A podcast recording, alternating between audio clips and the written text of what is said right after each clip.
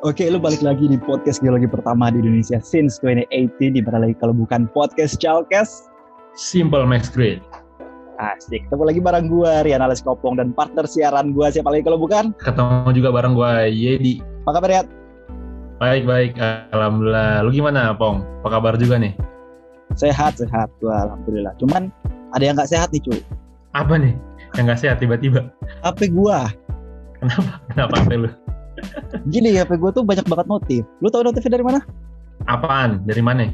Dari BMKG cuy. Nggak notifin apaan ke HP lu emang? Iya, gue kan jadi uh, punya aplikasi BMKG gitu kan. Nah, jadi aplikasi ini bakal ngasih tahu ke kita setiap kali ada bencana, terutama gempa. Nah, ini setiap berapa ya? Dua jam, tiga jam selalu ada. Kalah-kalah WA gue, asli. Cetang, ceting, cetang, ceting, WA tentang gempa. Jadi itu tuh lengkap tuh, ada koordinat, ada gedenya di mana, eh, gedenya berapa, bla bla blanya lengkap informasinya. Dan itu selalu masuk di HP gue. Terus gue kayak uh, mikir kan, deh kalau gini ceritanya selalu masuk notifikasi tentang bencana alam ya, terutama gempa. Lah Indonesia ini banyak banget gempa dong kalau gitu ya. Bukan banyak lagi kalau Indonesia mah. Secara geologi sendiri juga kita ada sama-sama paham kan Indonesia wah terletak di berbagai macam lempeng banyak banget gunung api gunung api aktif maupun yang udah nggak aktif ya udah pasti, udah pasti sih pasti akan setiap saat akan terjadi tumbukan lempeng yang di mana nanti akan terkonversi menjadi gempa. Itu sama halnya yang kayak kita sering share juga di Instagram Chalkes bahwa kita sering nge-share uh, bencana hari ini. Jadi nah mostly adalah gempa bumi. Iya. Dan itu sumbernya juga dari BMKG. Jadi daripada memenuhi notifikasi gua, mending di-share kan di Chalkes gitu. Mending diobrolin, diobrolin bener. Itu tuh kayak gue pengen ngingetin buat uh, apa namanya buat teman-teman semua kayak Indonesia tuh emang banyak gempa loh. Ini buktinya nih BMKG tuh setiap hari ngeluarin bukan setiap hari malah hampir setiap jam ngeluarin notifikasi bencana. Cetang cetung cetang cetung. Karena apa? Karena memang ya Indonesia itu bencana semua isinya. Jadi kalau lu masih kaget eh ini ada bencana di sini ada ini ada bla bla bla ada banjir ada apa ya ya gimana emang kita tinggalnya di ini karena secara gitu kan letak geografis dan kejadian geologi bla bla bla bla bla bla emang wayahnya gempa gitu. Tapi satu hal pong yang gue salutin ke Indonesia, terutama ke pemerintahan kita nih ya. Iya, biar kata nih Indonesia ini rawan gempa, banjir, banjir loh, sering hmm. banget, gunung api dan segala macam. Tapi uh, pemerintah kita Indonesia khususnya kita gentar-gentar untuk membangun infrastruktur yang terus menerus dari tahun ke tahunnya mau itu di Jakarta ada di Bekasi itu masih yang bekas-bekas ibu kota atau kota-kota gede gitu. Contohnya dekat rumah gue nih di Bekasi nih.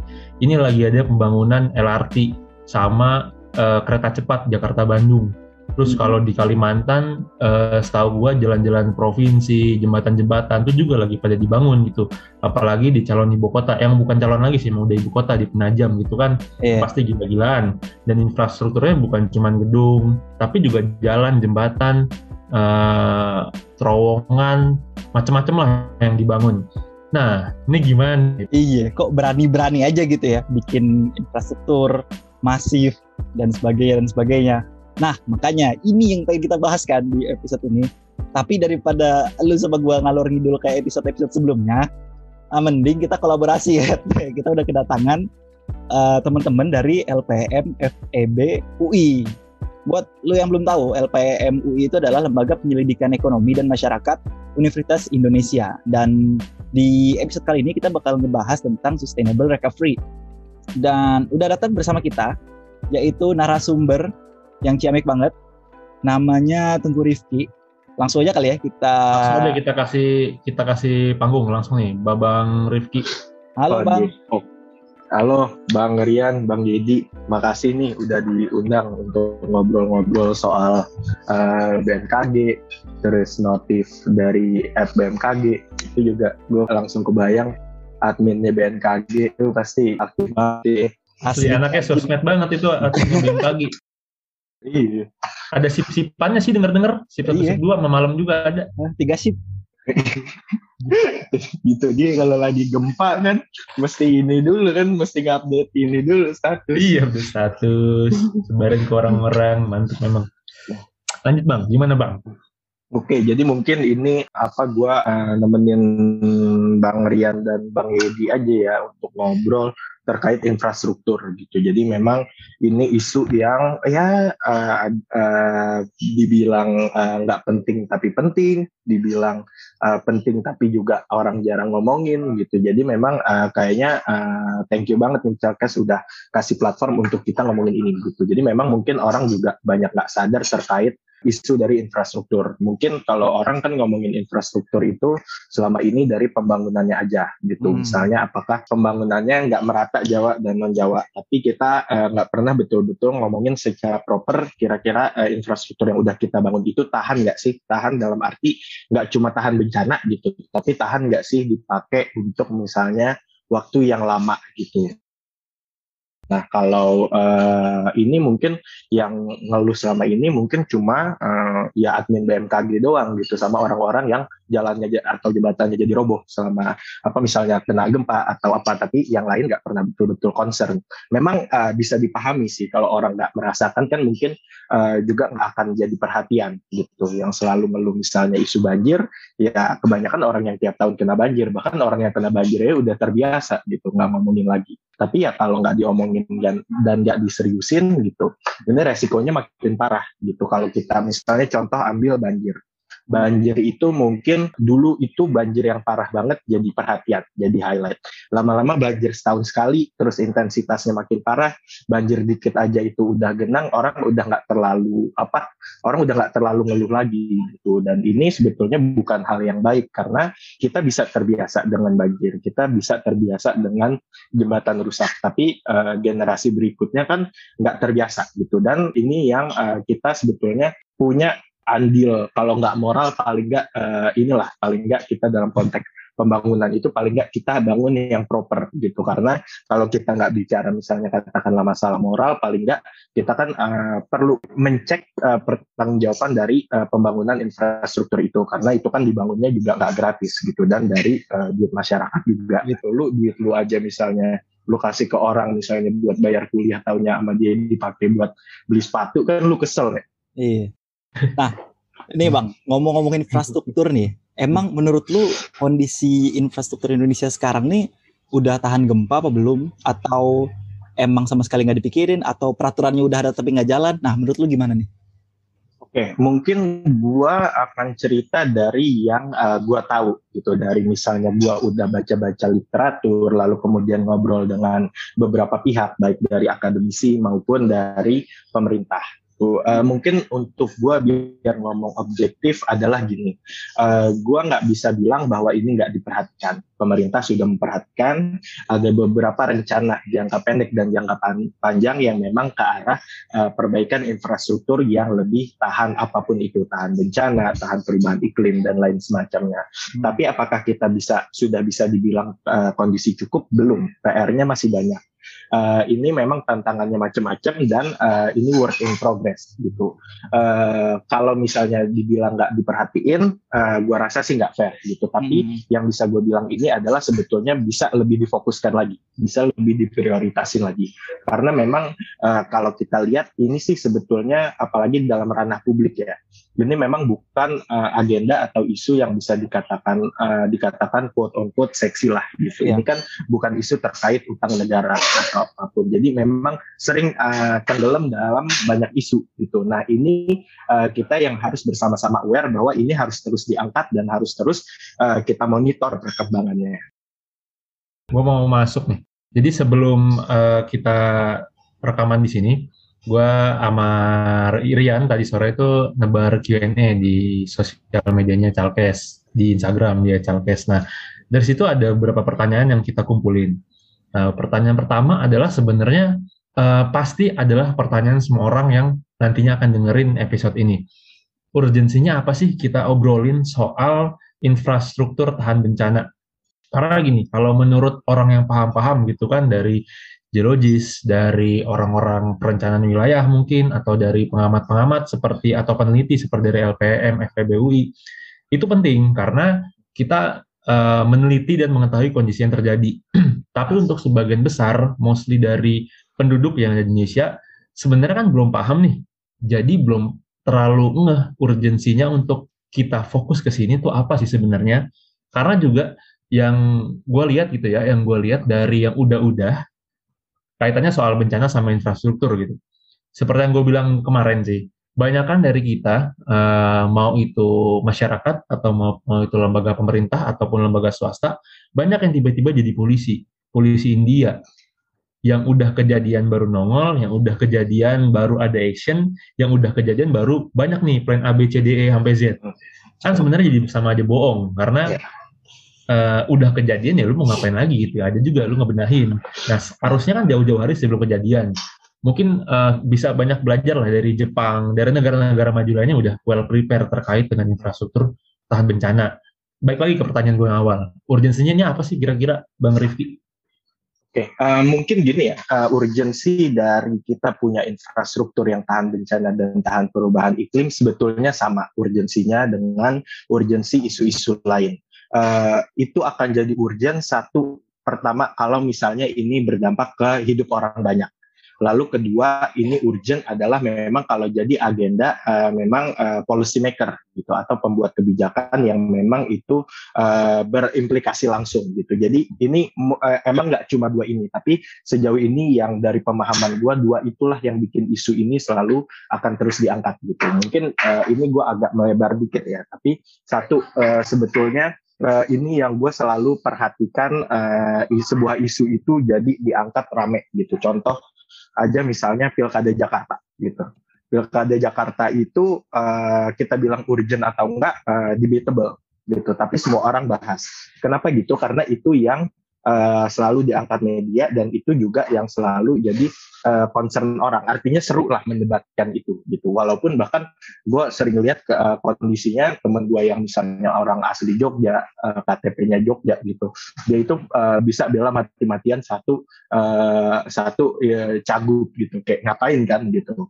Nah, di sisi lain adalah uh, kalau isunya itu memang mempengaruhi hidup orang banyak. Contoh misalnya pajak gitu. Pajak misalnya pajak penghasilan, lalu pajak pertambahan nilai itu kan orang bakal bahas gitu karena itu isu yang kalau misalnya hari ini lu uh, apa eh, tiga puluh ribu bisa makan sama beli uh, es teh gitu. Mungkin kalau pajaknya naik itu cuma dapat makannya doang, es tehnya nggak jadi dapat gitu.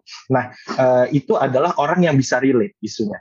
Nah, infrastruktur ini uh, konteksnya gimana? Apakah orang bisa relate atau enggak gitu. Nah, buat orang yang uh, meneliti infrastruktur gitu atau yang memang sehari-hari familiar dengan isu ini, uh, eh, gue yang baru familiar belakangan ini, gue melihatnya itu adalah ini nggak akan uh, jadi isu yang tinggi kalau memang belum uh, semua orang merasakan. Tapi uh, isunya adalah kalau semua orang udah merasakan, udah terlalu telat untuk kita bangun infrastruktur yang tahan bencana. Kalau semua orang udah merasakan banjir gitu, itu udah terlalu telat buat kita misalnya bangun uh, drainase yang bisa antisipasi banjir. Nah, kita nggak mau sampai ke tahap itu kita maunya adalah ini orang aware uh, uh, isunya, masalahnya dan segera di solve sehingga nanti apa-apa yang kita bayangkan buruk terjadi itu nggak kejadian. Nah, urgensinya adalah itu bisa jadi bahaya yang kita selama ini estimasi gitu dari peneliti, akademisi, lembaga-lembaga internasional estimasi bisa jadi lebih parah dari yang diestimasi kita mau bahwa orang aware dengan isunya gitu dan take action dan ini nggak sampai uh, makin parah gitu. Jadi uh, memang ini bukan tugas um, masyarakat secara umum juga gitu susah buat kita rely ke masyarakat secara kolektif secara umum itu untuk uh, sadar dengan urgensi ini. Ini adalah tugasnya misalnya dari akademisi, lalu misalnya advokat lingkungan, lalu dari pemerintah untuk menyadarkan bahwa ini tugas bersama yang memang uh, harus kita pantau terus itu itu gue uh, setuju banget sih. Secara kalau kita ngomongin lu sebagai akademisi uh, ya walaupun lu bukan di apa namanya di yang khusus bagian bangun membangun lah ya cuman kan dari segi ekonominya atau gua dan Yedi dari segi geologi memang kita pasti setuju 100% nah cuman gue curiga masalahnya itu adalah UUD ujung-ujungnya duit. Kenapa? Orang jangankan bangun yang tahan bencana segala macam lah. Mall aja yang harusnya memang punya sumber sapan itu nggak akan bangun sumur resapan mungkin kalau nggak kena pasal, nggak kena ke sandung amdal tuh nggak akan dibangun. Ya. Karena apa? Karena mahal. Nah sama juga instruktur eh instruktur lagi gue semangat sampai salah salah ngomong. uh, infrastruktur.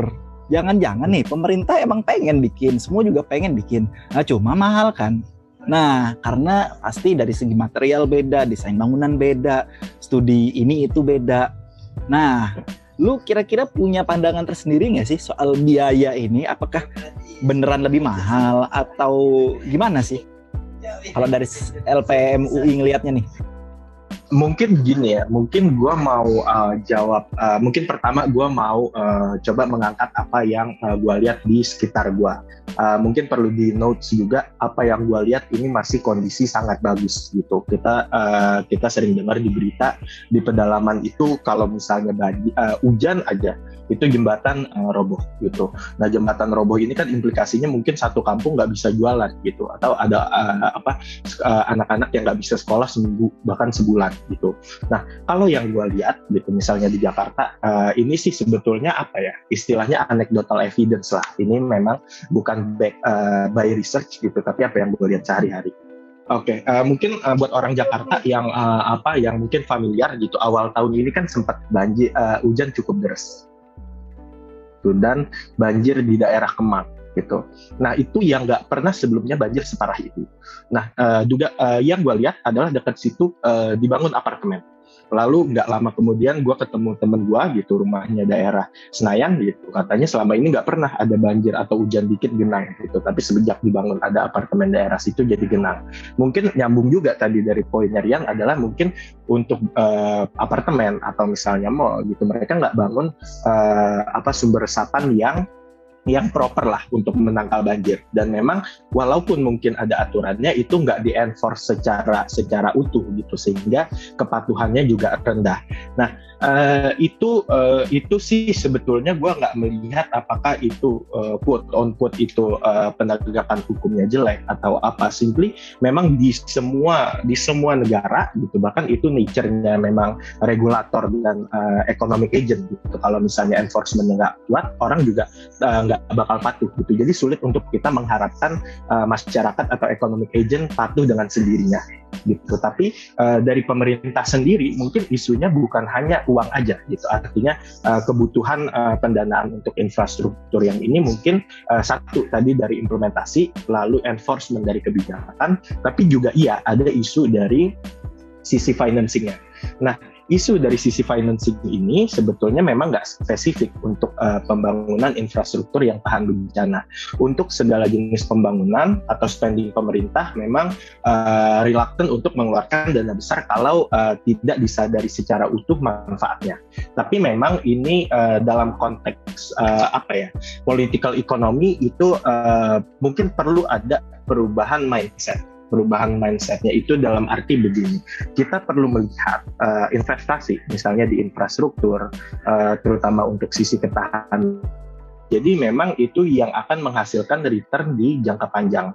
Uh, ini sebetulnya ada riset sih dari apa World Bank yang bilang sebetulnya uh, setiap satu dolar setiap satu dolar yang uh, apa di uh, di spend untuk pembangunan infrastruktur yang tahan bencana itu secara jangka panjang bakal ngasih benefit sekitar 4 dolar gitu. Jadi sebetulnya returnnya itu cukup tinggi gue bisa jadi salah di angka persisnya gitu. Tapi seingat gue itu satu banding empat gitu. Nanti mungkin bisa dicek dan gue bisa uh, kasih tahu uh, reportnya gitu. Tapi poin utamanya itu adalah sebetulnya nggak rugi untuk kita investasi di infrastruktur uh, infrastruktur karena kalau misalnya dari riset itu bilang setiap satu dolar yang di spend itu tahunnya returnnya di bawah satu dolar itu rugi. Tapi riset di infrastruktur ini bilang bahwa sebetulnya returnnya itu akan lebih dari satu dolar.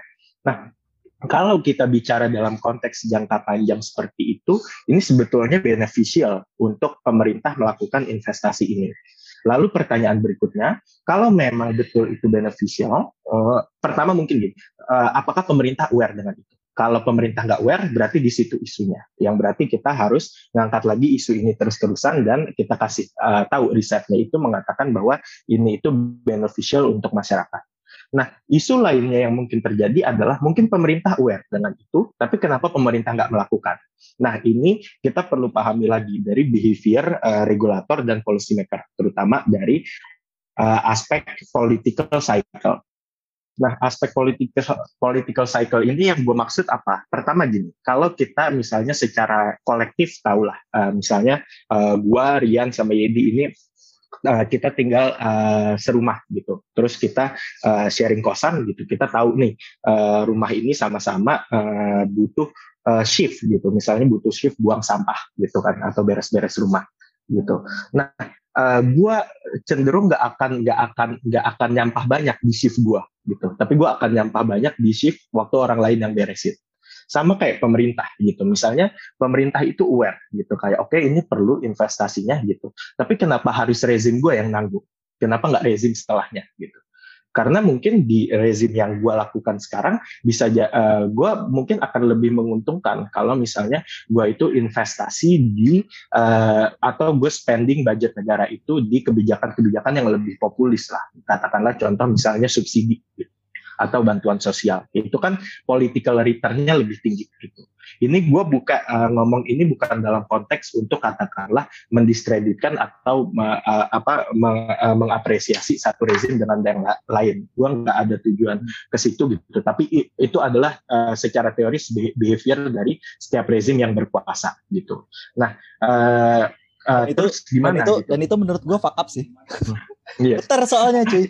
Muter. iya makanya. Nah makanya jadi uh, per, uh, pertanyaan berikutnya adalah gimana kita uh, ngakalin solusi ini, eh sorry uh, problem ini gitu. Uh, mungkin gue perlu note ini bukan cuma problem di Indonesia, bahkan di semua negara pun menghadapi uh, problem yang sama kalau dalam konteks uh, pergantian rezim. Lalu gimana kita bisa solve isu jangka panjang yang rezimnya itu berganti dalam jangka pendek gitu. Empat tahun lima tahun ganti sedangkan kita butuh ngomong investasi yang 30 tahun. Nah ini adalah gunanya regulasi ini adalah gunanya institusi. Jadi kebijakan-kebijakan seperti ini atau fokus ini harus diinstitutionalize gitu. Apa artinya diinstitutionalisasi? Ini di, harus dituangkan dalam rencana jangka menengah, jangka panjang gitu. Jadi nggak masalah rezimnya siapa pun, nanti dia harus ngikutin uh, peraturan itu gitu atau uh, kaidah-kaidah itu. Sebagai contoh, misalnya uh, ini yang uh, gua rasa contoh sukses yang sudah dilakukan Indonesia yang contoh uh, sudah dilakukan Indonesia itu adalah untuk defisit gitu. Jadi anggaran negara itu sudah diinstitusionalisasi bahwa tiap rezim tiap tahun defisitnya nggak boleh lewat tiga persen gitu. Pengecualian selama COVID.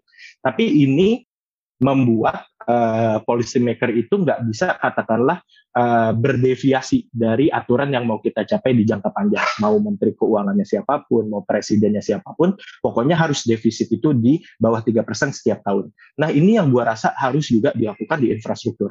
Nggak masalah misalnya uh, presidennya siapa, menteri keuangannya siapa, rezimnya siapa, harusnya misalnya katakanlah dituangkan dalam regulasi atau perundang-undangan yang jangka panjang bahwa uh, uh, investasi untuk infrastruktur itu dialokasikan misalnya tiga ya, infrastruktur bencana.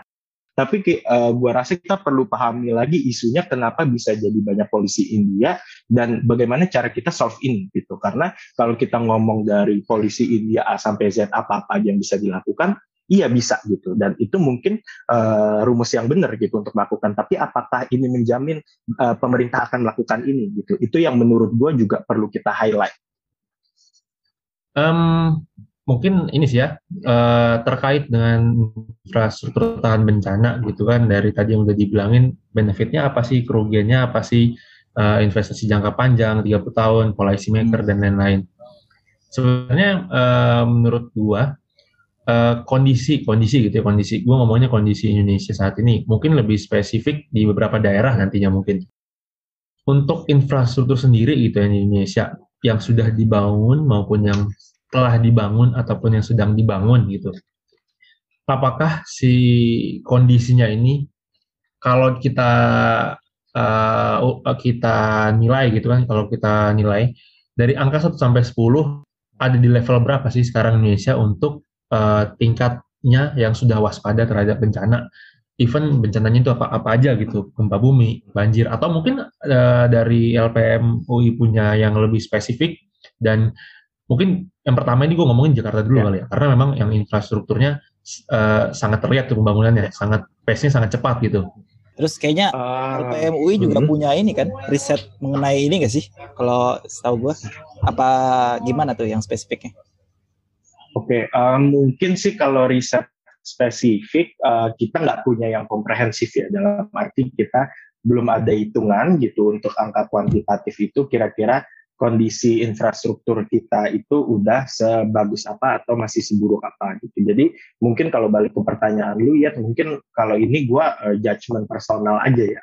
Uh, mungkin kalau kondisi infrastruktur kita saat ini mungkin masih di level uh, antara 5 sampai 7 gitu. Jadi masih banyak room for improvement sebetulnya walaupun uh, kita infrastrukturnya ini udah banyak banget. Nah, ini yang perlu kita lihat lagi gitu karena orang sering lupa bahwa infrastruktur yang sudah dibangun itu jarang dijaga gitu. Nah ini uh, aspeknya bisa macam-macam nih nggak dijaganya. Tapi yang ingin gue bilang adalah bahwa selama ini pembangunan infrastruktur itu orang hanya fokus di uh, kelengkapan ya gitu, kelengkapan atau uh, ketersediaan infrastruktur. Tapi kita belum pernah betul-betul bahas apakah ini uh, infrastruktur kalau udah dibangun itu uh, bakal tahan misalnya lima tahun 10 tahun.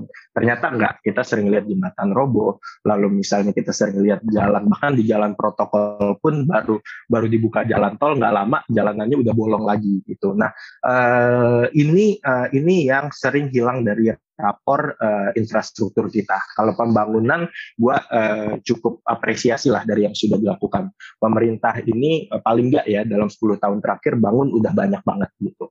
Nah PR-nya dua, yang udah dibangun ini apakah tahan sampai uh, sampai waktu yang uh, ditujukan di awal, lalu yang mau kita bangun ke depan, apakah kita sudah mengconsider faktor ketahanan tersebut gitu. Nah ini yang gue rasa masih banyak banget room for improvement. Jadi kalau lu tanya gue skor mungkin gue bisa bilang uh, lima kali. Lima lima dari berapa? Nah. Lima dari seratus janjian. Lima dari sepuluh. Sepuluh. Oh sepuluh. Lima dari sepuluh. Dari oh, siap, dari sepuluh. Remet banget pak. ini remet banget. Nah ini juga nih, gue gua mau ngasih beberapa contoh ya. Mungkin memang semua ini juga jadi isu nasional mungkin ya yang terkait dengan masalah infrastruktur. Kayak waktu itu gempa Uh, yang di Sulawesi itu apa pong yang dulu kita sama Pak Cepras itu? Palu Donggala, Palu Donggala. Palu Donggala. Hmm. Nah, itu kan ada komplek pemukiman warga di tengah area yang memang seharusnya mereka nggak nggak di situ gitu. Itu yang pertama. Hmm. Terus yang kedua, uh, contoh kecil ya, contoh kecil. Uh, uh, tempat kerja gua gitu kan tempat kerja gua di daerah namanya Kabupaten Tanah Bumbu jadi kalau dari Tanah Bumbu mau ke Banjarmasin Kalsel itu harus ada lima jam itu harus ngelewatin uh, sebuah jembatan yang ngelewatin uh, sungai gede. Nah kemarin waktu bulan cuaca yang ekstrim banget hujan terus gitu kan, hmm. itu jembatan tuh roboh. Yang pertama dari yang tidak isu nasional, yang ini yang kedua mungkin isu-isu kabupaten kali ya, isu kabupaten lah terlalu gede-gede banget. Uh, isu yang nasional banget yang tiap tahun terjadi di Jakarta hmm. sudah, yang udah pasti banget lah hmm. terjadi banjir dan lain. Padahal kalau lu nge-googling ya, lu nge-googling peta rawan bencana, lu mau cari gitu banjir, gempa, tsunami itu udah ada semua sebenarnya di, ya. di BNPB, di BMKG semuanya ada semua. Hmm. Asli, nah, lengkap. Tapi ini kenapa? Iya masalahnya kenapa gitu? Masih tetap aja ada oknum-oknum yang pala batu mau ngebangun di daerah situ. Pertanyaannya apakah memang secara regulasi memang kurang kuat atau memang secara uh, develop, gua ngomongin ngawur ya, secara develop memang uh, nyari cuan yang tinggi gitu atau memang embuh aja gitu masyarakat memang ya udah bodo amat yang penting gue bangun dulu urusan nanti itu belakangan aja. Berarti kan ada beberapa faktor gitu yang harus dibenahin kan. Yang pertama hmm. dari ya mungkin regulasi atau ya mungkin edukasi ke masyarakat atau mungkin sosialisasi hmm. macam-macam di situ. Atau bebel aja emang eh, orang ya. Iya atau emang kepala batu aja masyarakat, masyarakat ini kan Uh, ini ini hasil yang gue uh, oke okay, mungkin sebelum ke situ gue uh, mau ini ya apa kalau apalagi kalau banjir di Jakarta tuh gue bahkan ngebayangin kalau apa uh, reporter yang liput banjir di Jakarta tuh bahkan feeling gue udah ada template gitu loh yang kayak oh tiap Januari gitu tiap tahun ini nih berita yang gue tulis yeah. diganti judul sama tanggal doang kan. Katanya mah lima tahun nah, sekali. sama foto sama foto. Lima tahun sekali sertijab reporternya Iya, terima jabatan report banjir. Itu juga tuh kan maksudnya iya. kasusnya itu kan tiap tahun ya? Jakarta hmm. Bekasi tiap, tiap, iya. tiap tahun kalau hujan deras itu banjir gitu kan. Maksudnya dari berbagai macam orang yang ahli orang pinter orang peneliti itu kenapa kagak kelar-kelar sih solusinya gitu kagak nemu-nemu Masalah Nah, itu- gimana sih sebenarnya? Men- menurut gue gini, itu uh, memang nanti uh, ini sangat gampang sih gue, apalagi gue sebagai peneliti, Hmm. gitu. Uh, apalagi kalau gue jadi peneliti yang emang kayak uh, mainstream gitu, uh, ini gue sangat gampang di sini misalnya gue mau ngomong kayak nyalahin pemerintah, nyalahin masyarakat, masyarakat juga tiap itu yang jadi polisi India ya bisa lah tuh ngelis dari A sampai Z gitu yang salah kementerian ini, kementerian itu segala macam, tapi uh, yang mau adalah isunya lebih rumit dari itu gitu. Dan uh, gue cukup apa ya gue cukup yakin dan uh, gue juga udah dengar dari beberapa uh, apa uh, aspek pemerintah mereka juga aware akan isu ini. Tapi memang uh, dari perumusan sampai implementasi itu emang cerita yang benar-benar beda. Ini gue uh, misalnya kasih contoh aja gitu. Jangankan kita ngomong uh, mindahin rumah yang uh, tinggal di daerah uh, bantaran sungai gitu. Kita aja kita aja sering ngeliat gitu. Kita aja sering ngeliat satpol pp aja nertipin angkot aja susah gitu satpol pp aja nertipin kayak uh, kaki lima aja susahnya setengah mati gitu. Bahkan itu uh, lu sering lihat lah kayak mungkin kaki lima ditertipin itu kan kalau cuma di acara 86 ya kayak kalau lu keluar ini juga lu jajan ada-ada aja gitu. Usah Asli, ditertipin. bahkan satpol pp-nya yang jajan.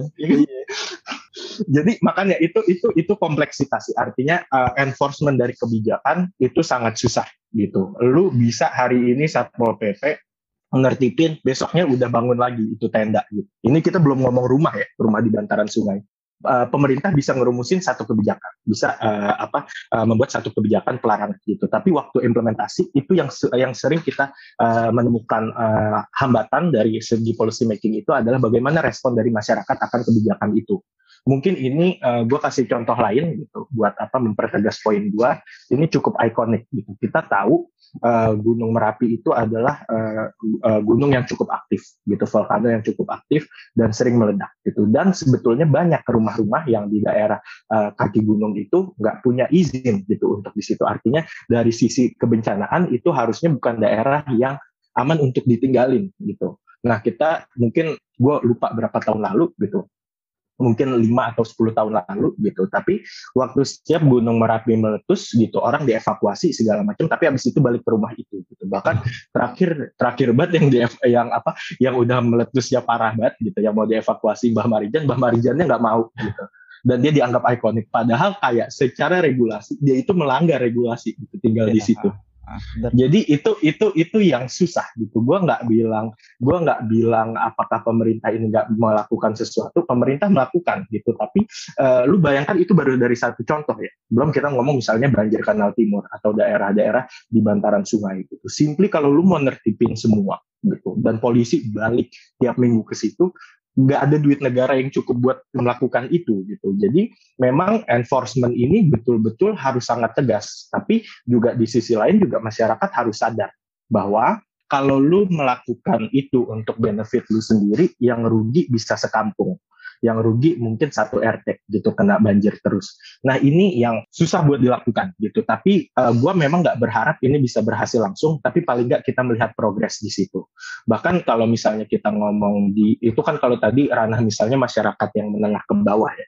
Kalau kita lihat masyarakat menengah ke atas pun gitu di daerah Kelapa Gading pun masyarakat udah aman gitu. Wah, udah nyaman untuk misalnya tiap tahun ngungsi ketimbang mereka bangun drainase yang lebih bagus gitu. Misalnya dari mall-mall itu lu bayangin ini ini menurut gua gua masih agak agak agak agak nggak nggak nggak nangkep gitu sense gua adalah di daerah Mall Kelapa Gading itu waktu banjir mereka punya shuttle buat banjir gitu.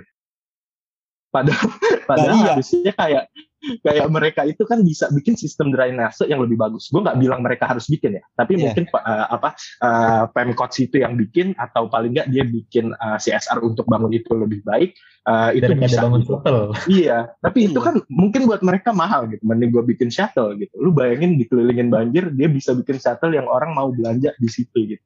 Jadi ya kompleks untuk misalnya untuk misalnya lu bisa eh, apa prediksi eh, respon dari eh, masyarakat atau, atau economic agent dari suatu kebijakan.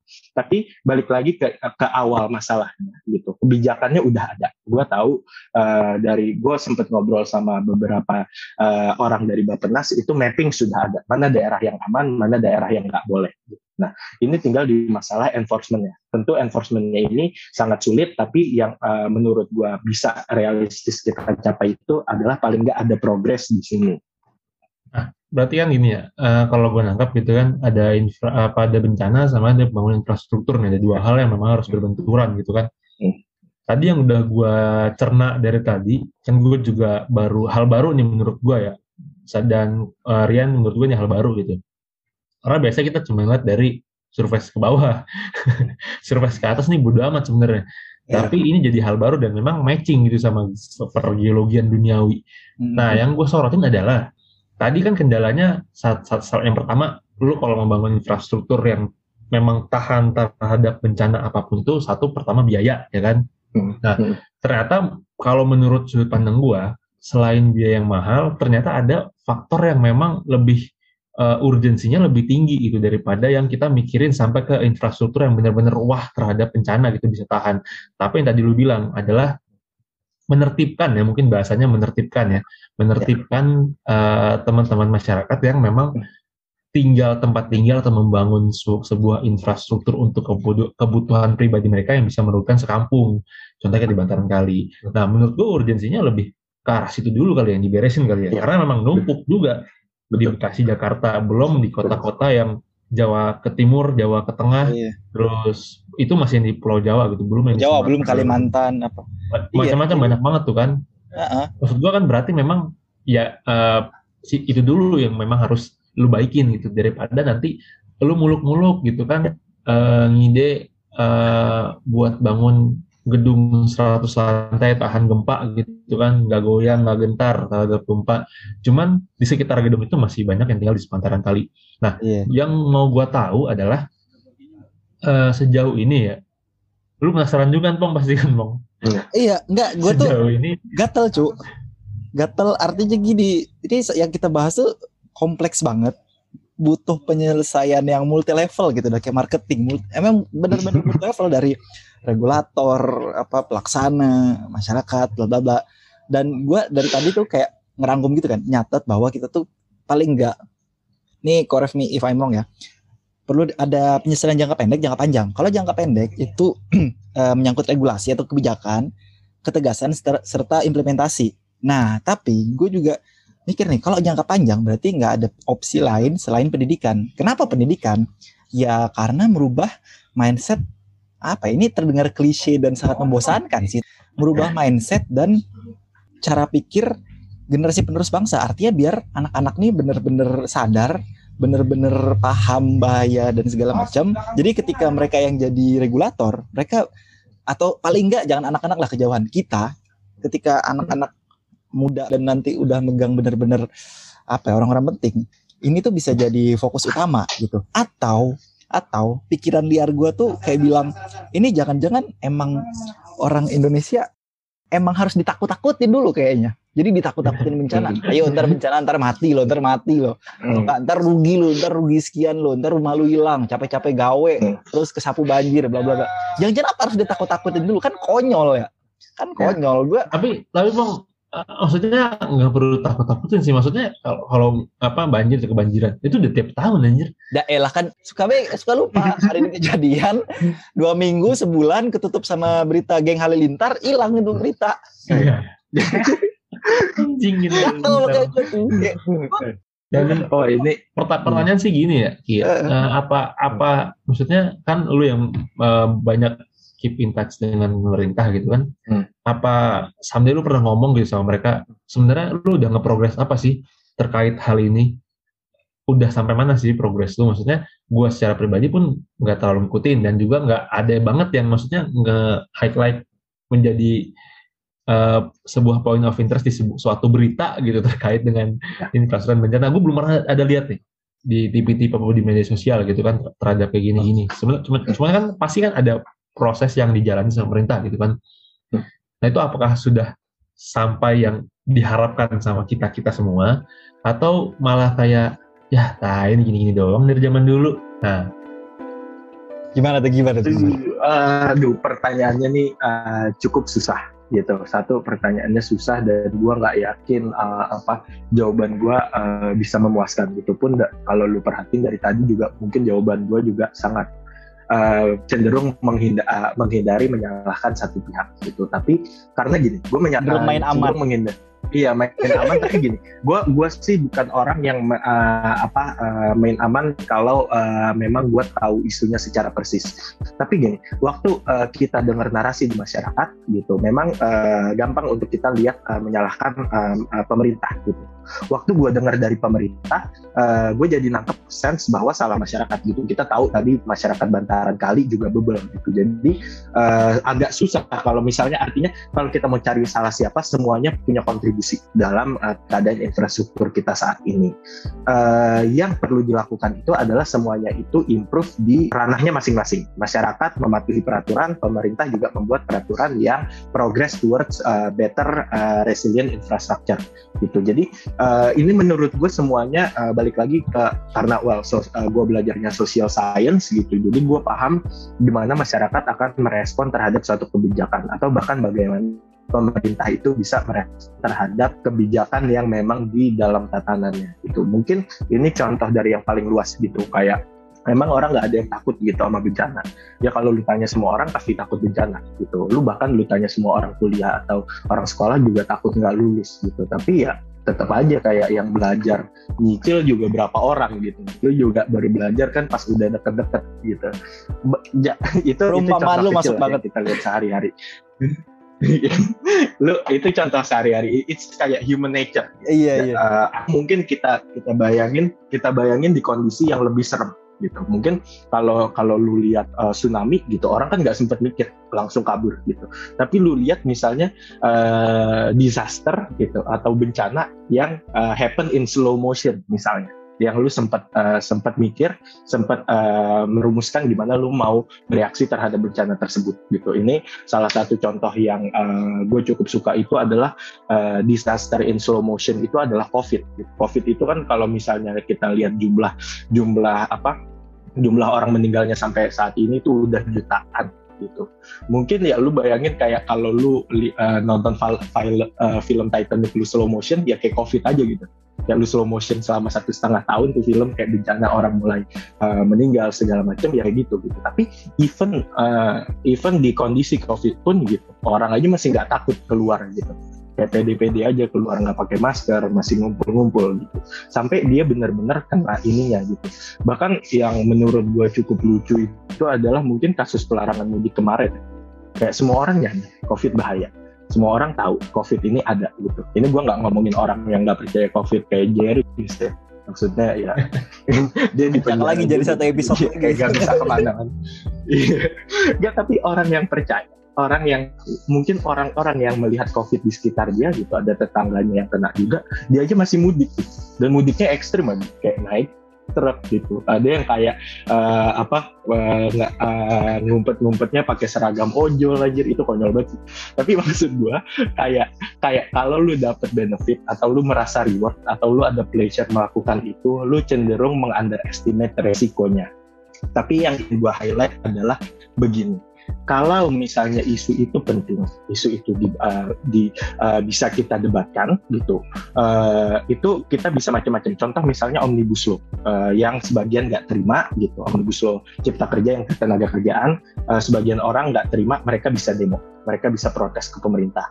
Nah, menurut gua yang isu infrastruktur ini uh, sebetulnya lebih urgent dan krusial lagi karena kalau ini nggak betul-betul dibangun, itu ada lu akan merugikan orang-orang yang nggak bisa demo. Gitu. Misalnya katakanlah, uh, misalnya katakanlah contoh uh, kebijakan kebijakan uh, pembangunan infrastruktur yang Jawa sentris, orang Papua bisa demo, gitu. orang Sulawesi bisa demo tapi kalau lu sekarang nggak bangun infrastruktur yang tahan bencana, yang nggak bisa mengantisipasi banjir, generasi berikutnya nggak bisa demo gitu.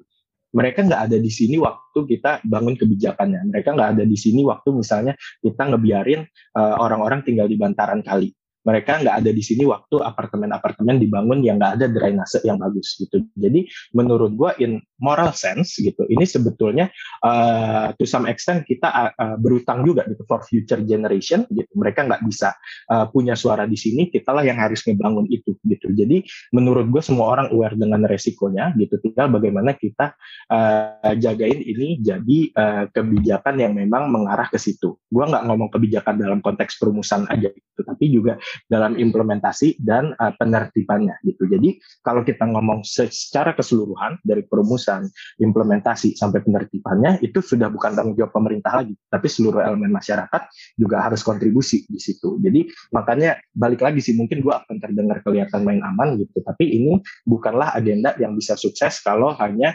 uh, yang mempromot itu satu pihak aja, apakah masyarakat aja atau pemerintah aja. Ini mesti semuanya.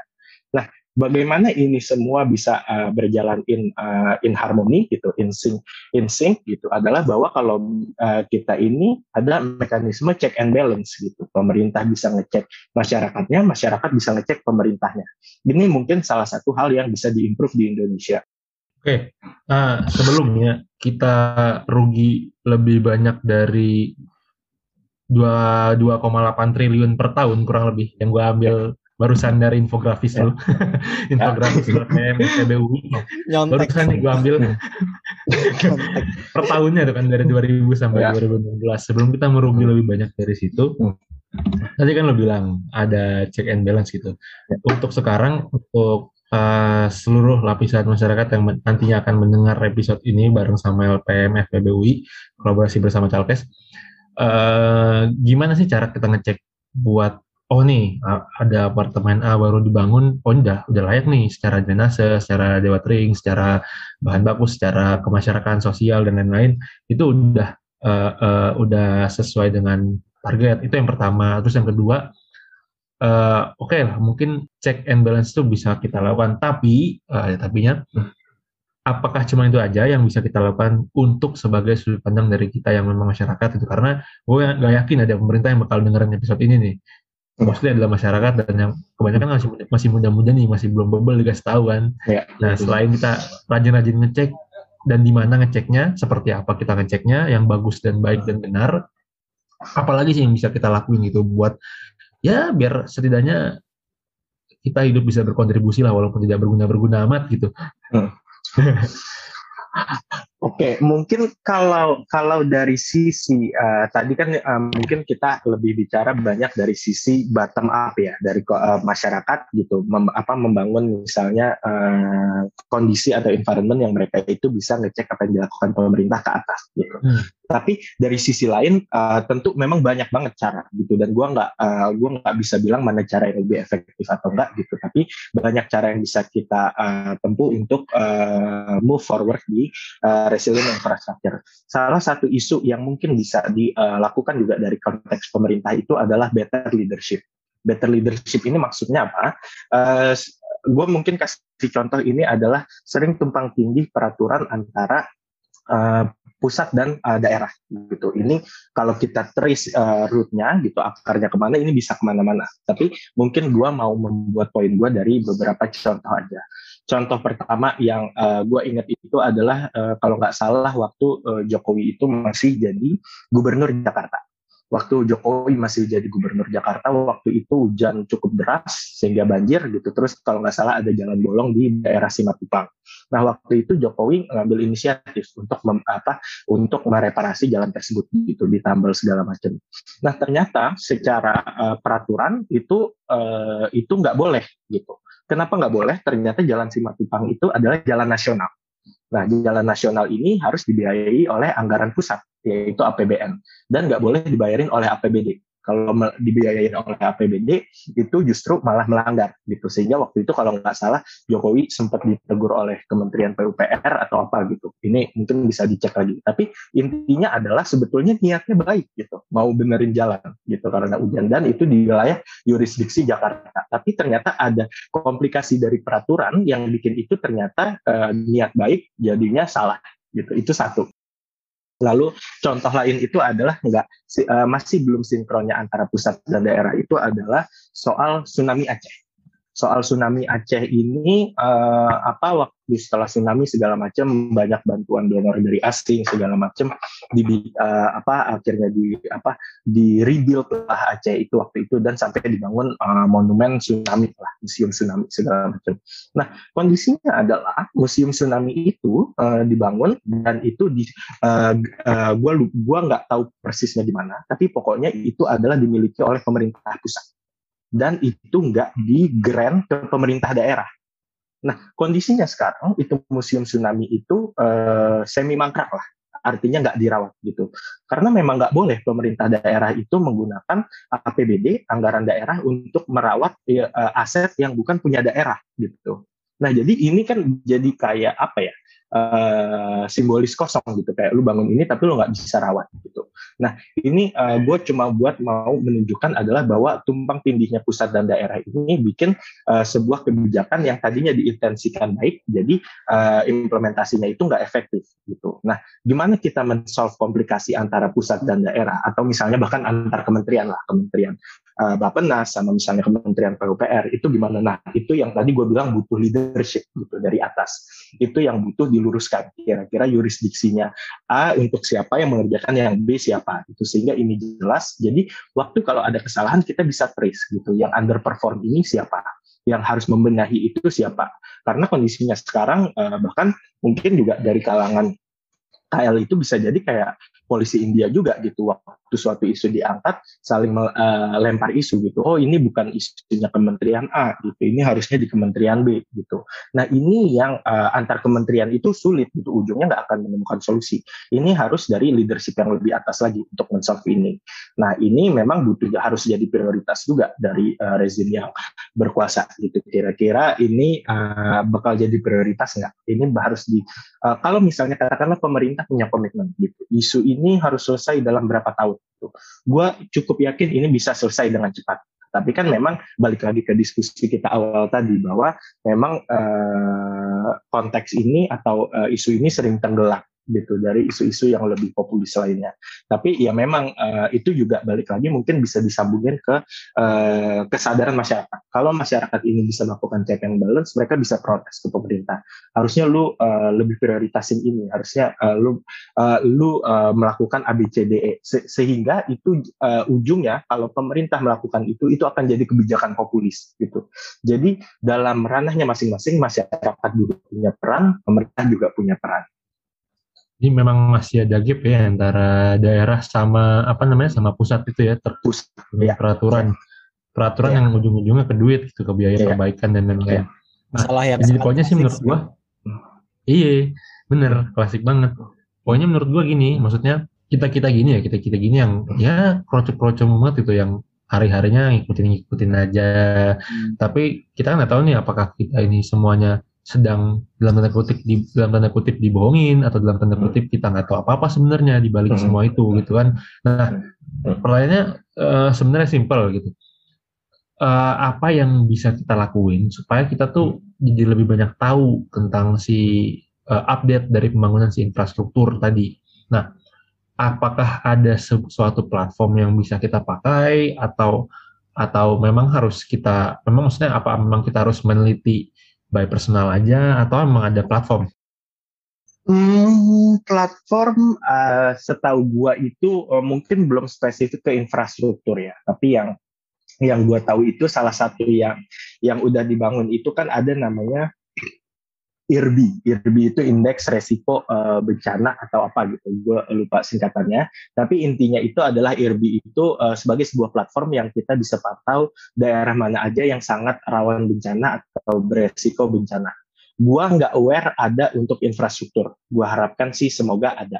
Tapi uh, memang platform-platform kayak gini uh, itu perlu didorong gitu. Nah, platform ini uh, nanti uh, gue melihat juga salah satu uh, apa uh, inisiatif ke arah situ adalah apa yang dilakukan oleh Calkes gitu. Misalnya mengangkat isu ini terus dibahas. Lalu mungkin dari LPM juga meng-highlight isu infrastruktur ini agar masyarakat aware gitu. Untuk bentuk bentuk uh, platform lebih konkret mungkin itu adalah penerapan setelahnya. Tapi memang itu uh, balik lagi ke yang tadi gue bilang sebetulnya uh, sejenis kayak infrastructure report card kalau ada itu sangat membantu gitu. Biar kita masyarakat juga bisa aware gitu. Jadi mungkin itu juga cukup membantu ya uh, apa kerjaan-kerjaan dari admin BNPB dan BMKG gitu yang selalu ngingetin kayak oh kayak gempa di sini gempa di situ gitu. Bahkan kayak sebenarnya sebenarnya kalau memang uh, masyarakat masyarakat pada proaktif itu sebenarnya hmm. platformnya udah ada sih ya di BMKG hmm. BNPB itu ada ada semua gitu benar tidak ada apa yang tadi gue bilang peta rawan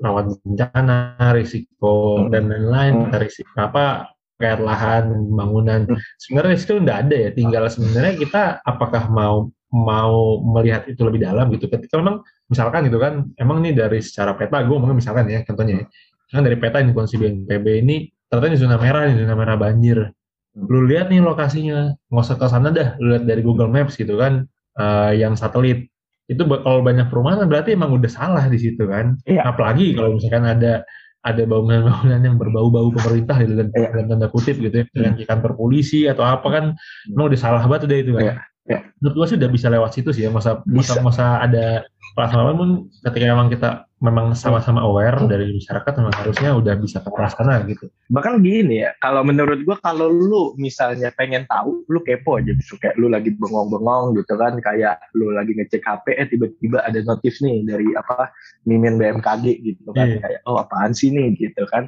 Terus lu pengen tahu kira emang separah apa sih kondisi infrastruktur kita? Lu simple Google search atau kayak lu misalnya cari Google Scholar, lu akan tahu gitu. Ini adalah isu yang pressing dan urgent tapi kan balik lagi narasinya adalah kayak seberapa sering lu bengong-bengong tiba-tiba mikirin infrastruktur gitu. Kayak kayak nggak mungkin aja gitu orang bengong-bengong mikirin infrastruktur. Uh, jadi ya balik lagi gue mikir kalau lu nggak terdampak langsung susah untuk lu aware dengan ini gitu. Even lu aware pun lu nggak kasarnya nggak akan peduli lah dengan isu ini gitu uh, kayak banjir aja kayak oh ya udahlah gue tinggal cari jalan lain gitu. Nah um, ini yang gue lihat adalah bahwa kita perlu aware gitu. Mungkin yang narasinya jarang diangkat itu adalah gini.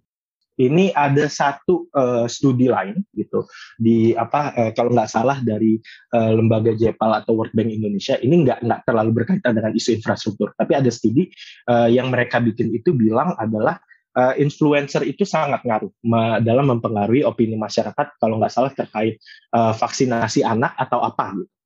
Nah ini nar narasi publik itu yang kadang gue merasa di Indonesia itu cukup kental. Gitu.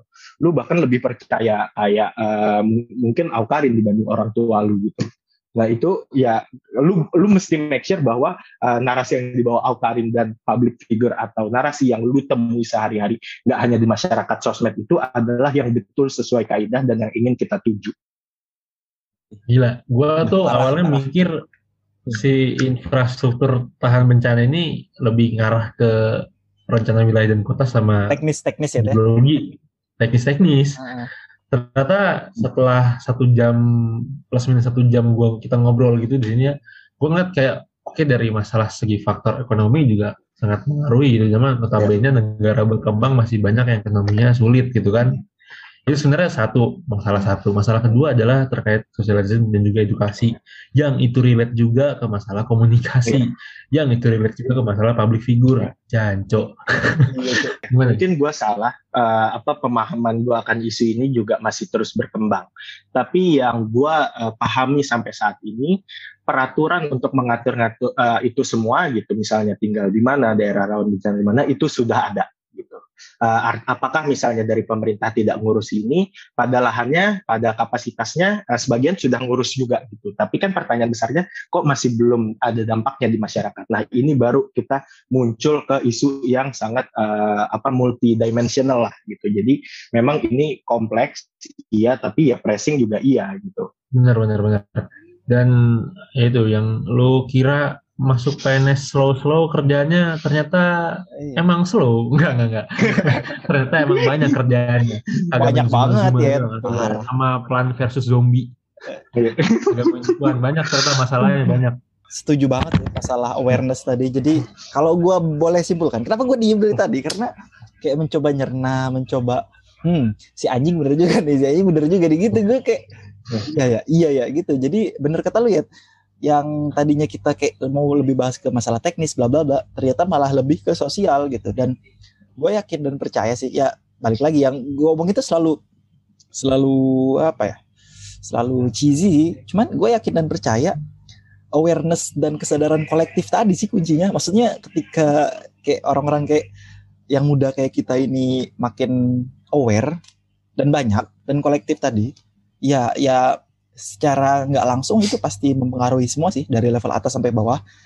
Isu itu akan menjadi penting kalau kalau semua orang itu ya merasa punya urgensi atas hal itu gitu. Jadi ya kesadaran kolektif tadi mungkin cara-cara simple untuk apa namanya untuk bisa meningkatkan awareness tadi ya dengan share dengan dengerin yang kayak kayak gini atau ngikutin LPM UI gitu atau apa pun lah lembaga riset dan dan publikasi-publikasi yang memang berbobot gitu ya yang apa namanya suka ngebahas tentang edukatif, ini ya, ah, yang edu, edukatif. Maksudnya edukatif tuh nggak perlu nggak perlu ngoyo-ngoyo lu kayak dengerin channel Kurzagas gitu enggak atau dengerin kok bisa gitu enggak enggak enggak mesti gitu kok. Lu nge-retweet sesuatu yang berhubungan dengan bencana aja dan followers lu walaupun followers lu cuma berapa? 50 100 orang ya itu udah termasuk salah satu edukasi. Makanya uh, tadi kata kuncinya kata gue tuh ya awareness dan kolektif tadi. Dan ya gue balik lagi yakin dan percaya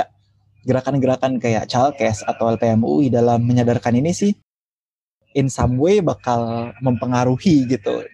Meskipun gue nggak tahu mempengaruhi itu banyak atau sedikit at least hmm. kita kita berusaha gitu. Dan karena hal itu gue jadi penasaran uh, sebagai pamungkas juga nih ke depannya LPMF EBU ini bakal ngapain sih bang? Jadi apakah dia bakal terus menyajikan info-info tentang ini kah? Atau ada riset-riset yang akan datang terkait dengan infrastruktur tahan bencana ini kah? Atau bagaimana nih ke depan ke depannya? Yang ujung-ujungnya hmm. menaikkan awareness tadi supaya isu ini menjadi penting Uh, mungkin gini, uh, pertama uh, buat menjawab uh, apa uh, segala komen lu tadi, uh, yang mungkin gini. Pertama yang uh, bisa kita sepakati sampai uh, hari ini adalah bahwa uh, infrastruktur kita di Indonesia ini masih banyak kekurangan dan masih banyak yang bisa diimprove itu satu. Lalu kedua, uh, kita juga sama-sama uh, sepakat dan aware adalah ini isunya yang urgent dan kalau nggak segera ditangani secara substansial, dampaknya itu bakal masif bahkan dampaknya masif bukan cuma buat generasi kita, buat generasi setelahnya gitu. Itu yang gue pegang saat ini. Nah, uh, untuk teknisnya gimana gitu, kira-kira kebijakan apa yang dibutuhkan, lalu misalnya siapa yang harus berperan lebih, terus bagaimana bentuk koordinasi, apakah misalnya isunya ini dari duit atau dari peraturan atau dari enforcement, itu bisa berubah gitu. Artinya ke depannya kita nggak tahu uh, apa yang jadi masalah. Mungkin bisa jadi hari ini masalahnya adalah dari kekurangan financing, besok dari masalah implementasi gitu. Ini yang kita harus terus uh, apa keep our mind open gitu. Yang penting kita aware dulu, kita uh, setuju bareng-bareng bahwa ini harus terus didorong agendanya dan ini adalah isu yang uh, pressing dan urgent uh, untuk semua orang. Nah, uh, apa yang akan dilakukan LPM ke depannya adalah LPM akan terus misalnya menyajikan riset-riset yang terkait dan selalu mengupdate uh, knowledge-nya dan riset terkait ini gitu. Jadi apa yang uh, lu dengar dari gua, dari yang lu baca dari studi LPM atau dari mana pun itu akan sangat bisa berubah. Jadi misalnya kalau ada orang yang dengerin uh, podcast ini mungkin tahun depan gitu, bisa jadi isunya betul-betul beda dari yang gua bahas sekarang. Tapi paling nggak yang harus dipegang itu adalah ini penting dan terus kita mesti uh, fokus. Mungkin balik ke cerita-cerita sebelumnya tadi uh, juga kan uh, sering kejadiannya itu adalah kalau ada uh, salah apa sesuatu yang salah gitu uh, misalnya terjadi banjir bencana segala macam semua orang uh, sangat mudah uh, jadi polisi India dan menyalahkan pihak lain. Masyarakat uh, paling enak nyalahin pemerintah pemerintah paling enak nyalahin masyarakat kementerian satu paling enak nyalahin kementerian lain poin yang ingin gue angkat adalah semua pihak itu punya porsi untuk kontribusinya masing-masing gitu. Jadi instead of kayak lu menyalahkan ini, semua pihak itu lu sebetulnya bisa kontribut di sini gitu. Jadi jangan sampai juga uh, nanti kita uh, apa nggak uh, nggak uh, nggak di ujung itu waktu betul-betul yang uh, worst come to worst itu kita masih bilang salah pemerintah gitu. Lu juga punya andil di situ gitu. Dan ini memang isu yang harus kita uh, jagain bareng-bareng gitu. Baru nanti kalau lu misalnya udah effort effort sebisa lu gitu, udah effort semaksimal lu dalam uh, ranah kontribusi yang lu bisa gitu. Baru uh, uh, dan ternyata masih nggak sesuai harapan lu gitu ya. Paling ntar lu bisa ya uh, uh, dengerin lagu Coldplay aja gitu fix you kan kalau misalnya when you try your best but you don't succeed gitu.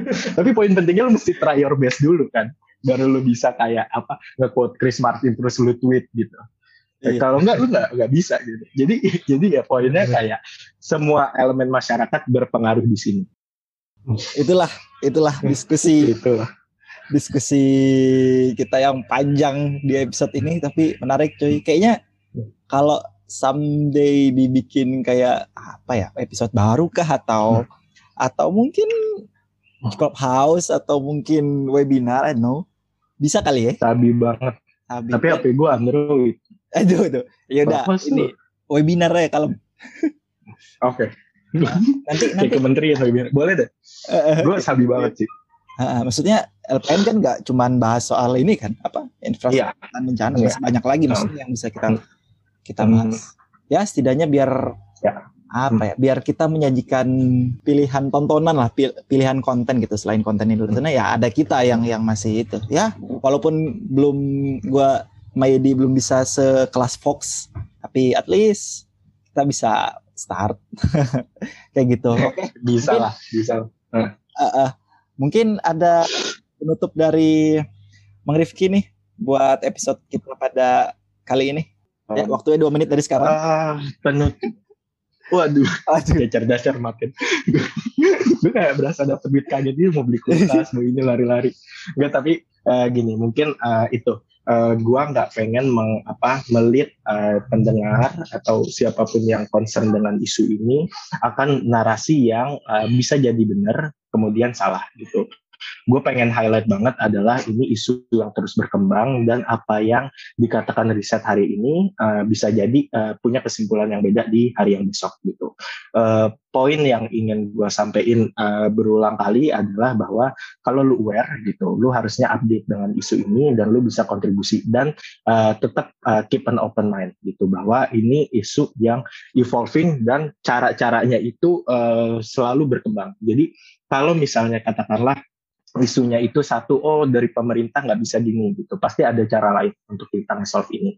Ini juga gue yakin apa yang menjadi motivasi Chalkes gitu untuk untuk bisa berkontribusi dalam isu ini. Mungkin uh, Rian atau Yedi nggak bisa mempengaruhi dari aspek kebijakan tapi uh, lu bisa berkontribusi dari uh, bikin masyarakat lebih aware uh, uh, akan isu ini gue pun dari sisi gue sebagai peneliti gue mencoba menyajikan fakta-fakta terkait isu uh, ketahanan infrastruktur ini jadi uh, jangan dengerin satu uh, satu kajian atau satu studi atau satu pihak karena uh, bisa jadi salah gitu. Coba cari uh, pengetahuan sebanyak-banyaknya gitu akan isu ini.